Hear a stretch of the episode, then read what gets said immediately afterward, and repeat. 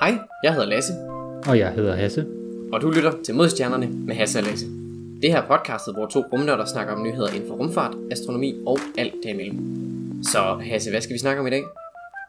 Jamen, jeg tænkte måske, at vi lige kan starte ud med en, en lille nyhed, i hvert fald i, i vores øh, afdeling. Det er jo, at vi nu ramt 5.000 downloads. Sådan, vildt. Ja, ja. Så øh, tusind tak, fordi I bliver ved med at, at lytte med og, og høre med på, hvad vores to, der sidder og famler lidt ud i, øh, i ugens nyheder, der nogle gange har været inden for ja, astronomi og rumfart og alt det imellem. Så det er super dejligt, at I bliver ved med at lytte. Vi håber på øh, fl- flere lyttere og flere lytterspørgsmål og alt muligt andet godt øh, i fremtiden. Så tusind tak. Det er vanvittigt. Vores lille, lille hobbyprojekt, der bare er, ja, bliver ved. Det er, det er så hyggeligt. Det er det. Men nok, nok om, øh, hvor godt det går her. Vi kan jo øh, lige så stille hoppe ind i øh, ja, et semifast segment, som hedder Hasse, jeg har læst en artikel. Øh, yes. øh, fordi jeg har læst en artikel her, øh, som er kommet ud, hvor der er nogle amerikanske forskere, som har kigget på den røde plet, som er på Jupiter. Den her sådan, storm, der er sådan vivler rundt op. Oh yes, den her kæmpe store storm, som, var det ikke Galileo, der opdagede den for, hvad er det, 400 år siden eller sådan noget? Jo, han, øh, han lagde mærke til, at han, han sådan fik et, hans teleskop sådan rimelig op at køre, at når han kiggede på den, så kunne man at der var et eller andet der, der var, så lidt anderledes ud. Den var ikke bare sådan en, en, hvad man siger, en glødende planet, som øh, var sådan lidt sandfarvet beige, men der var altså et eller andet, der, der stak lidt ud. Øh, og det er så ja, den her røde plet, som er sådan en stor ja, cyklon, er det vist den bedste måde at beskrive det på, øh, som, øh, ja, som vivler rundt op på Jupiter. Yes, hvad, hvad er der så sket med den? Er der noget nyt med den, eller hvad? På- en måde, fordi det, de har så kigget øh, på data fra Hubble Space Telescope her over de sidste 11 års tid, så fra 2009 til 2020. Um, øhm, og så har de så kigget på den her øh, røde plet, og så har de så kigget på øh, hastighederne. Så de har kigget på, hvordan øh, hastighederne sådan, øh, er inde i den her røde plet.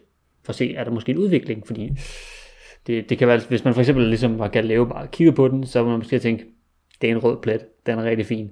Men nu er man, har man jo sådan noget dejligt data fra Hubble Space Telescope, så kan man ligesom virkelig kigge i dybden på, hvad er det, der sker. Og over de her 11 år, så har man så fundet ud af, at de yderste sådan, jeg kan sige, ringe, hvis man kan sige sådan, de yderste dele af den her plet her, de bevæger sig hurtigere nu, end de gjorde for 10 år siden. Og samtidig så med det, så er pletten så også blevet lidt mere sådan cirkulær, og ikke sådan så aflang, sådan ellipseformet, øh, end den var for 10 år siden. Okay, så den er alligevel lidt, øh, ja okay, selvfølgelig er den dynamisk, men den, den ændrer sig også over tid. Ja. Okay. Ja. Øh, også sådan, man kan sige, over sådan en kort astronomisk periode, som er 10 år i vores menneskeliv. Det, Ej, jeg vil sige, øh, altså sådan 10 år, det, det er en hurtig ændring, altså sådan på, øh, ja. På sådan en stor skala. Det er selvfølgelig noget andet, når det sådan er en, et atmosfærisk fænomen. Det plejer at gå ret, ret tjept i forhold til, til sådan planetariske processer, men alligevel, okay. Ja. ja. det er altså, ja, altså de her to ting med, at hastigheden, de yderste ringe her, hastigheden, de, de bevæger sig hurtigere, og det, den bliver cirkulær. Det er to ting, der hænger sammen. Ja, det er vel noget, noget bevarelse af impulsmoment, eller... Øh, ja, ja angu- præcis, der kommer... Ja. Øhm, der er nemlig sådan, ja, der er en sammenhæng der. Så sådan, det i sig selv, det, det hænger meget godt sammen. Hvorfor det sker, altså årsagen til, at man nu ser, at de bevæger sig hurtigere, og den bliver mere cirkulær, der, der er man ikke helt sikker. Øhm, der var en storm, en anden storm end den røde øh, plet her, som var sådan relativt tæt på tilbage i 2016. Øh, og når man så kigger på hastighedsdataen sådan over årene, øh, så kan man se, at der var en, en lille ændring, øh, der, men det var ikke noget stort, men samtidig så ser man så ikke nogen ændringer, altså, der der tilbage i 2019, så her for to år siden, så var der en, en lille del af den, den røde plet, som simpelthen hvad man sige, flakket af, eller faldt fra øh, hvad man sige, øh, den her plet.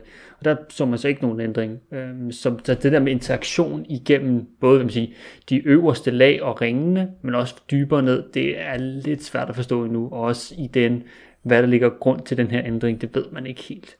Det er også en lille smule svært at undersøge Jupiter sådan på afstand, for du kan jo netop kun se det yderste lag. Du kan netop ikke gå ned og altså, dykke ned i atmosfæren, og rent faktisk finde ud af, hvad der foregår dernede. Så skal man jo sende ja. Ja. prober ned, og det er ret meget en envejs ting. Det er ikke, det er ikke så lang tid, man har sådan en probe i hvert fald. Det har vi vist gjort før et par gange. Det, det, det, det plejer ikke at, at vare så længe.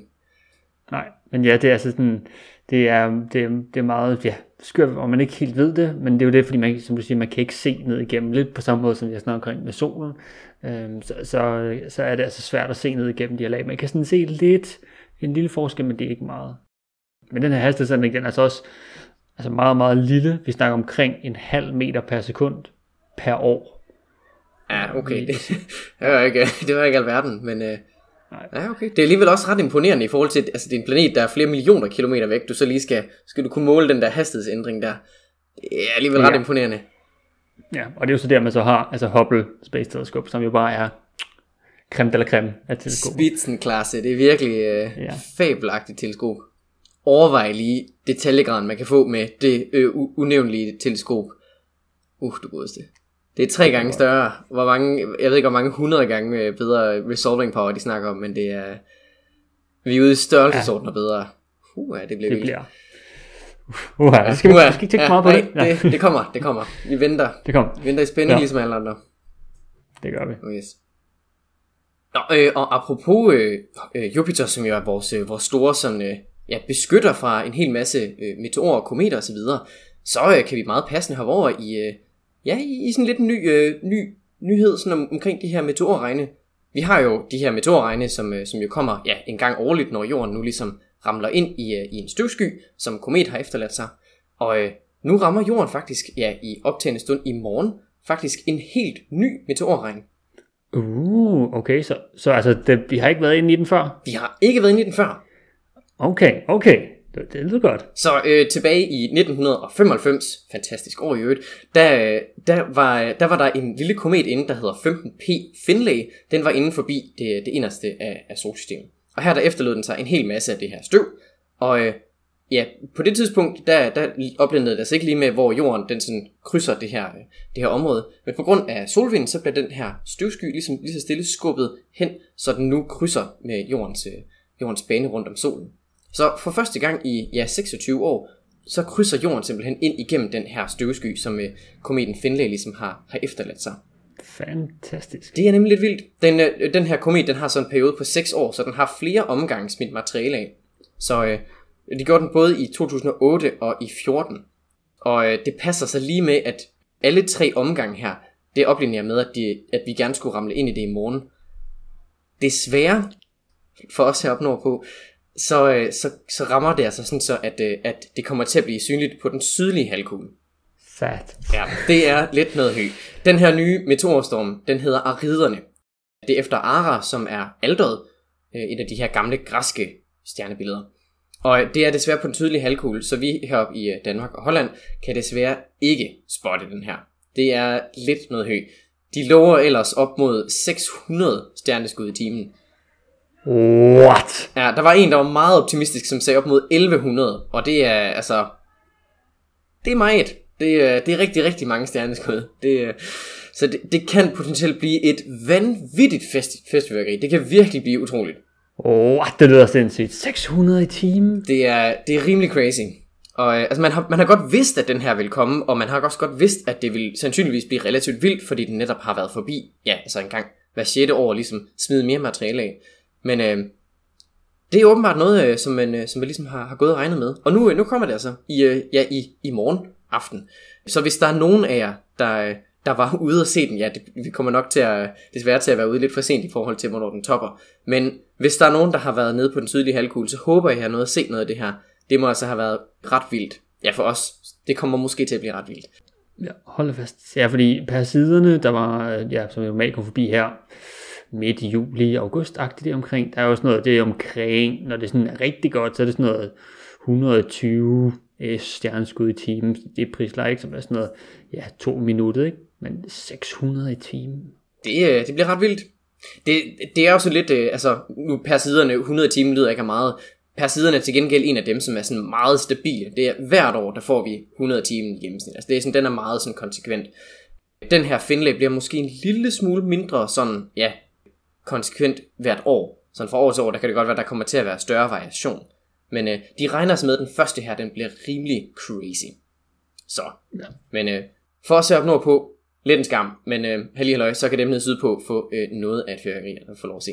Det må man sige. Til gengæld, så, øh, så er der en anden meteorregn, som vi heroppe nordpå godt kan få lov at se. Det er drakoniderne, som øh, ramler ind på fredag den 8. Okay. Til gengæld så er det en af dem, der sådan plejer at svinge rigtig meget. Det er enten sådan en, enten så er der nærmest intet, eller så er der sindssygt mange. Og øh, altså det er sådan, det, det plejer at svinge mellem øh, 5 i timen til, ja, 1000. Det var noget, der... Det er ret meget i en af de to grave. Der er ikke rigtig noget imellem. Det, er- den, den svinger Nej. fuldstændig åndssvagt. Øh, sidste år var den fesen, og i år regner de desværre også med, at den bliver lidt kedelig. Så øhm, ikke det vilde at forvente, men øhm, altså, hvis man gerne vil se et ekstra stjerneskud eller to, så kan det være, at man er heldig. Men øhm, man skal altså ikke regne med det store. Så øh, heroppe nordpå, lidt uheldigt. Ned sydpå, rigtig heldigt. Nu, ja, nu ser om der ikke kommer nogle fede billeder ud af det. De har i hvert fald, øh, de har i hvert fald spottet, at vi nu kommer til at ramme ind i den. Cool, cool. Jamen, så må vi jo bare flytte den sydlige halvkugle på et tidspunkt. Nej, der er simpelthen ikke andet for. Jeg er simpelthen ikke andet for. Men øh, ja, apropos nærmest at flyve ind i ting, øh, dog ikke helt, så er øh, ja, Baby Colombo, som er den her øh, satellit, der er på vej til Merkur, har lige været øh, forbi Merkur for første gang, øh, som er sådan den første flyby, hedder det, det her, hvor de sådan svinger forbi, øh, og det er så ja, den første ud af seks, øh, der kommer til at være herover den næste årrække, og den var inde omkring 200 km over overfladen. Uh, er det altså også cutting it close, var? Det, øh, Ah, det må man, det må man sige. Men øh, ja, det er jo fordi Merkur, eller undskyld, Baby Columbo skal ind til Merkur. Øh, man regner med, at den vil være fremme i sådan slut 25, start 26, sådan i, i det øh, område. Og øh, der, hvad man sige, undervejs, så vil man så lave de her flybys. Den har været forbi Jorden og Venus, øh, hvor de simpelthen sådan, hvad man siger, får drænet lidt energi af, fordi normalt når du kommer her fra Jorden af, og skal hele vejen ind til Merkur, og gå i kredsløb der omkring Merkur, så skal du have, hvad man siger, fået en, rigtig meget af din energi af, øh, for ligesom at kunne komme af med den, for det har rigtig meget kinetisk energi. Og det bruger man så de her planeter til, øh, så bruger man så de her flybys, nu så ja, Jorden og Venus, og nu også Merkur. Og nu er det så bare en masse flybys omkring Merkur, indtil man sidst kommer ind lige præcis rigtigt ind, og så rammer den den rigtige bane, og så går man simpelthen i kredsløb her om Merkur, og så, så begynder missionen sådan rigtigt, hvis man kan sige sådan. Så det, det bliver spændende.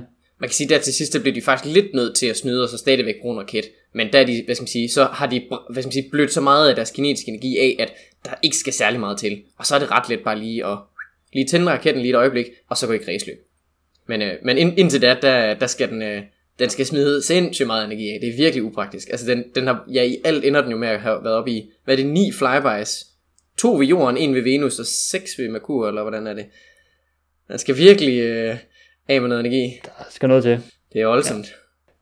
Og så, øh, ja, så ideen er jo så, at den så kommer frem, dag 26, og det er sådan noget omkring 480-500 km over overfladen, når den så går i kredsløb der. Øh, Så den, den her gang lidt tættere på, men igen, det er sådan noget, hvor man virkelig kommer ind lige og får smidt noget energi af, jo, jo tættere på man kommer. Øh, Og så ja, så kommer de næste Gravity Assist, det kommer her i, det må så være næste år i juni, det er i sommer, det er til sommer næste år, der kommer det næste Gravity Assist, og det tager sådan nogle, det er ikke bare noget, man sådan lige gør, og så lige øh, tager man lige den næste næste uge, og så, øh, så vi sikkert, hvad der er klar. Det her, det kommer til at tage noget tid. Det, er- det, det er en længere, en længere manøvre, man skal i gang med der. Hvordan ja. er det nu? Det er, det er ESA og JAXA, der har samarbejdet, så Bibi er den ene, og Colombo er den anden. Og Colombo er den europæiske del, og Bibi er den japanske, er det ikke sådan? Sig. Og så er det Japan, der har, det, den skal være i et meget elliptisk kredsløb, og Colombo er i et noget tættere. Så de, sådan, de splitter sig ad den her mission, den er meget funky. Den er, den er, det er virkelig en, en altså den, det er en sej mission, den er virkelig, øh, der, der skal laves mange ting inde med, omkring Merkur med den her. Det er, man har heller ikke rigtig været derinde som sådan rigtigt, hvor man har undersøgt Merkur i stor detalje.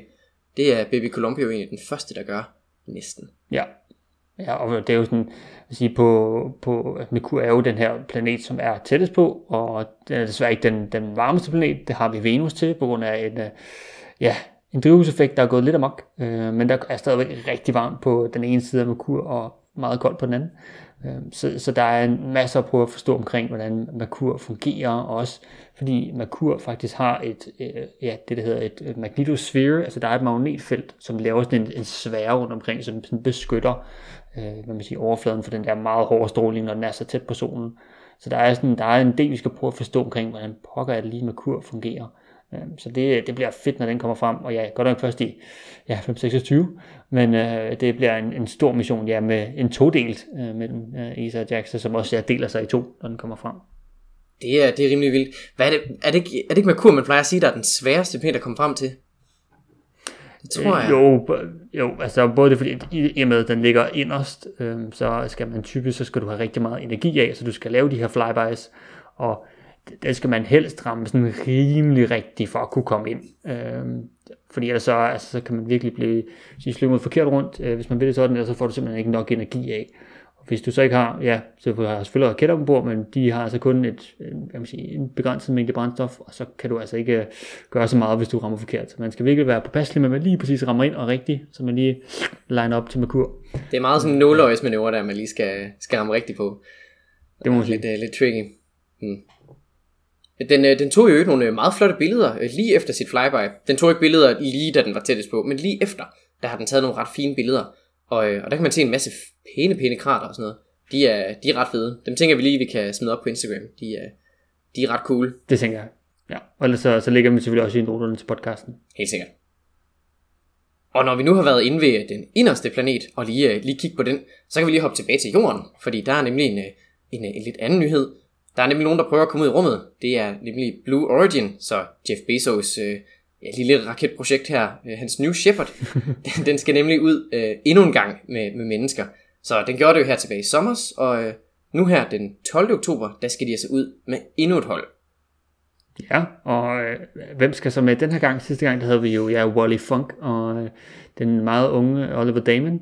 Yes, den her gang, der skal de slå deres egen aldersrekord endnu en gang.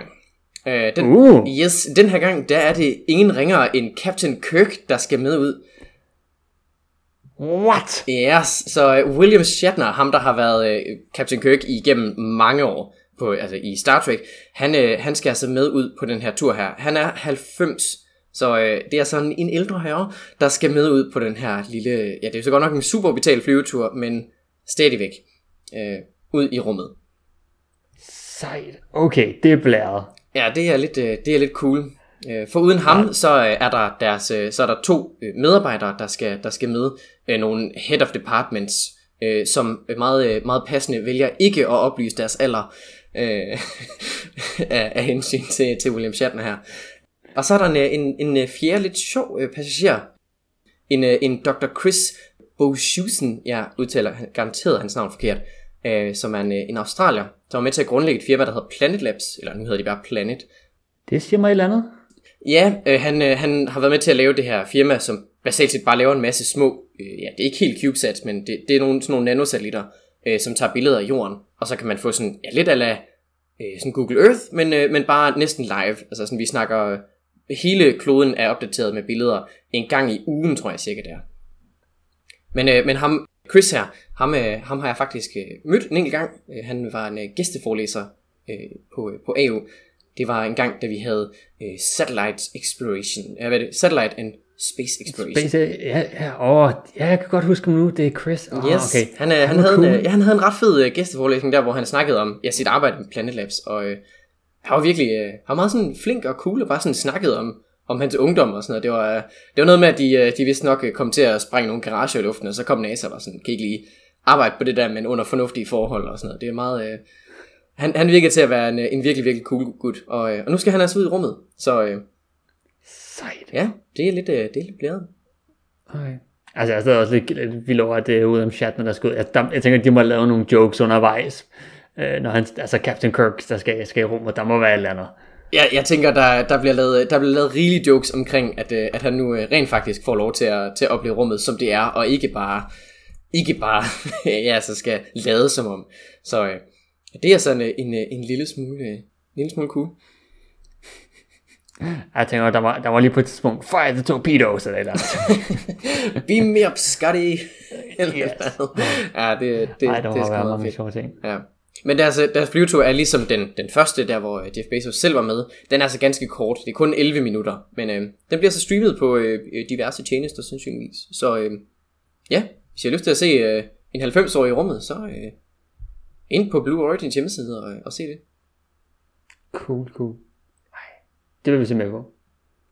Og øh, nu vi så snakker om øh, sådan nogle øh, ja, private raketopsendelser, så kan man jo meget passende spørge, om der, om der sker et eller andet over i SpaceX-hjørnet. Det plejer der at gøre. Det gør der. Det er jo, det er jo lidt længe siden, vi har været der. Øh, Der var også på et tidspunkt, hvor vi bare kørt nærmest hver uge. Jeg tænker, nu kan nu løber vi lige være der, være lidt tid, og så øh, kan vi få en update nu for, hvad der sker op på den anden side af, af andet derovre. Øhm, Og der er jo sket en del, siden vi, øh, vi lige si- sidst har hørt derovre fra. Øh, men øh, ja, vi kan jo starte ud i Boca Chica i Texas. Det er jo der, hvor øh, Starship og den her Super Heavy Booster, de øh, snart forhåbentlig skal sendes op. Øh, og hvor de selvfølgelig ja, tester alle de her motorer og raketter, øh, de har derovre. Øh, og nu har de så fået sat øh, ja, nogle, det, der hedder øh, kryotanke, så der, hvor alt brændstoffet, det er så det her øh, oxygen og det her metan, som er bliver holdt meget, meget koldt. Heraf, det er kryo. Øh, det, de skal nu, øh, de har nu fået sat nogle kæmpe store siloer op, hvor de så skal, de skal fyldes på, øh, så de simpelthen bare kan køre direkte ind i raketterne. Ja, så, så, så det, det er ikke kryotanke ombord på raketten, det er ved siden af, så de kan tanke raketterne op lidt. Ja, det er lidt ligesom at have en lille tankstation, hvis man kan sige det sådan. Yes, de har simpelthen bygget en lille, en lille tankstation ved siden af opsættelsesplatformen. Ja, ja. Det, og det, det går meget hurtigt. Nu er der allerede, jeg tror, seks tanker er nu kommet op, øhm, og de, er, de fleste af dem er nu stille begyndt at blive testet, hvor de fylder øh, flydende nitrogen i dem, bare lige for at se, om de holder og tryk og alt muligt. Det, det giver mening. Det, det træls at have de der, de der fejl, sådan hvis, øh, hvis en af dem lige pludselig eksploderer. Det, øh, det er ikke så godt. Især hvis det er oxygen eller metan, det er bare noget, der brænder af mig til. Ja, jeg skulle lige oxygen, det kan jeg sige. Ja, det, er, det er ikke så godt. det, ja, jo jo, og specielt flydende, det så kan du rigtig, få rigtig, rigtig meget ned på meget lidt plads. Det kan ja. hurtigt gå galt, hvis det er. Nå, øh, godt at de tester det først. Lad os sige det sådan. Lige præcis, ja. Så, så det ser i hvert fald godt ud. Øhm, og så også ude på opsættelsesplatformen, øhm, der er de også nu begyndt at sætte øh, delene af, til de her arme, som jo i fremtiden skal gribe boosteren øh, og, og også ja, selve Starship. Så det er jo så, at øh, hvad den hedder, at de her arme ligesom sådan på, hvad man siger, det opsendelsestårn, de ligesom, når, når øh, boosteren kommer ned og lander igen, så svinger de ligesom ind, og så er det ligesom sådan nærmest som to arme, der sådan stikker ud, og så kan sådan Buxton så med de her nogle flaps, der åbner op, så kan den sådan lande på de her arme, og dermed sådan blive grebet, øh, inden den sådan kommer helt ned til jorden, og så bliver den lige sådan sat ned, og så er den lige, ligesom klar nærmest igen, så skal der selvfølgelig lige være en masse tekst og sådan noget, men det ideen er, at de her arme skal sådan bruges til at gribe den her booster. Det virker som sådan lidt unødvendig sci-fi, hvis du spørger mig. Jeg tænker, den der med at have ben at lande på, er det ikke fint nok? Altså, det virker bare ja. som endnu en komplikationsfaktor, som gør det potentielt mere farligt på en eller anden led. Ja, jeg, jeg, har, jeg kan godt dele den der lidt sådan, at det, det er meget... Øh, ja, hvad kan man sige, man skal, du skal ramme de der arme, og du skal ramme den meget præcist. Jeg, jeg, jeg tænker, det var nemmere at ramme den der platform, altså sådan i forhold til, hvor, hvor meget sådan råderum du har. Det er bare sådan lidt ja. en... Ja, altså på den anden side, de her, altså bare man ser på Falcon 9, altså hvor, hvor gode de er til at ramme de her platforme, altså det er jo vanvittigt. Så øh, det burde være muligt inden for en, en vis grad, og selvfølgelig så er det også det, at øh, med de her arme, så er øh, hvad man siger, boosteren jo så allerede hævet op. Så ideen er også, at når de så bliver grebet, så vil de her arme så rotere hele boosteren over, og så sætte den på opstandelsesplatformen, så den nærmest bare er klar til at lige at blive serviceret, bibeliboblebu, og så er man ellers bare klar til at fylde brændstof på igen. Så det, jeg tror også, der er det her turnaround-tiden, altså hvor hurtigt du kan få den lavet, du er klar igen til sin opsendelse, det kommer altså også til at hjælpe. Den skal bare køre i pendulfart. Det er bare lige snart den lander, ny brændstof, på med noget nyt op på toppen, er stedet det går. Det meget at køre. Har du set Formel 1? Altså, det, er, det er fuldstændig. de laver lige sådan 8 sekunders optang, hvor bare sådan, og så flyver den bare afsted. Smush. Yes. Op, det går. Ja, det, det bliver selvfølgelig ikke helt sådan der. Men, men ideen er selvfølgelig, at det skal være sådan en, en jo hurtigere du kan gøre det, jo, jo, man sige, jo billigere kan du også ofte gøre det. Selvfølgelig, der er nogle ting, der skal, hvis der er noget, der skal repareres, eller ting, der skal fikses inden, men det skal komme videre. Men ja, ideen er, at øh, der er en hurtig turnaround tid. Nice. Jeg tænker, det kan godt være, det er bare mig, der er skræmt efter, øh, efter at have haft en smule rumteknologi, men det der med sådan bevægelige dele generelt, det, huha, det går bare galt. Næsten altid. Det, øh, ja. Uha, ja, det, jamen, jamen, altså, hvis de kan få det til at virke, det mega sejt, hvis de kan få det til at fungere. Super cool. Lidt mindre farligt end den der med at gribe den med en helikopter, men det, ja, det skal Elektron jo selv om. Men, det, uh, ja, ja, jamen, det, det er blæret, hvis det kan fungere. Lad os sige det sådan. Det er det helt klart. Og selvfølgelig også øh, SN20, den her øh, man siger, raket, som er Starship her, som forhåbentlig snart skal op og flyve her i 2021. Øh, den har nu også fået en masse af de her keramiske tegl, vi har snakket lidt om før, som man så på rumfærgen. Sådan nogle lidt lignende nogen har jeg så fået på, øh, hvad man siger, på, på ja, næsten en stor del af hele, hele det her rumskib har nu fået de her sådan otkantede keramiske tegl på, som jo skal danne det her varme skjold, når den ligesom ja, skal sige, komme ned igennem atmosfæren igen og, og lande. Så ja, og det er sådan, nu er jo Starship, øh, når man ser den, så er den jo lavet i sådan et lækker, jeg tror det er jo rullet øh, rustfrit stål. Så og den er sådan helt meget skinnende, og så de her sådan sorte øh, tegl, der laver det her varmeskjold, det ser så det ser ret sejt ud, hvis man lige skulle sige det selv. Jeg har lige fundet et billede af den. Åh, oh, det er jo et sekskantet, kan jeg lige se. Meget vigtig distinktion. Og de sekskantet, okay. Ja, ja, jeg skulle lige til at sige, at det vil næsten være underligt, hvis et techfirma som SpaceX lavede noget med otte kanter, når vi nu er så heldige at have seks kanter. Det er også en meget god øh, hexagon. Ja, hvordan er det nu? Hexagoner er de bedste goner, er det ikke sådan? Jo, jo, det er lige præcis sådan Ja. der. Det er Det er grunden til, at en, en hexagon er the bestagon, altså den bedste af de her man sige, øh, kantede figurer. Det er simpelthen fordi, at det er meget nemmere at sætte sammen i mange forskellige konfigurationer. Det er Øh, og symmetri der er meget mere symmetri. Ja, Ja, ja. Det er hexagoner, det man ser det over det hele. Det er, det er lækkert. Mere af det. ja vi, skal nok lige, øh, vi skal nok lige smide et billede af sådan 20, hvor man lige kan se de her tegl her, for det ser altså meget blæret ud. Yes. Og det er basically sådan, så den kan overleve turen ned gennem atmosfæren, når den nu har været i kredsløb. Det, øh, hvis Ja, ikke den ja. har det, så er der ikke så meget, så meget øh, Starship, når den kommer ned igen. Nej, nej, fordi om end rustfrit stål er virkelig godt, øh, når det så bliver varmet op til sådan noget 2000 grader, så er det ikke så godt. Det, så holder det ikke så godt længere. Det, øh, sådan er det faktisk med, med de fleste ting. Det, hvis det bliver varmet op til et par tusind grader, så holder det egentlig ikke sådan super godt længere. Det, øh, Nej. der, der, der er de der keramiske tegl ret fede. Det kan de alligevel. Ja. Det er Ja, snedigt. det kan jeg også.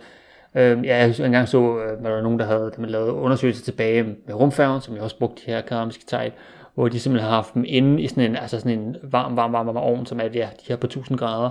Så tager de her tegl ud af, og så er de sådan rødglødende simpelthen.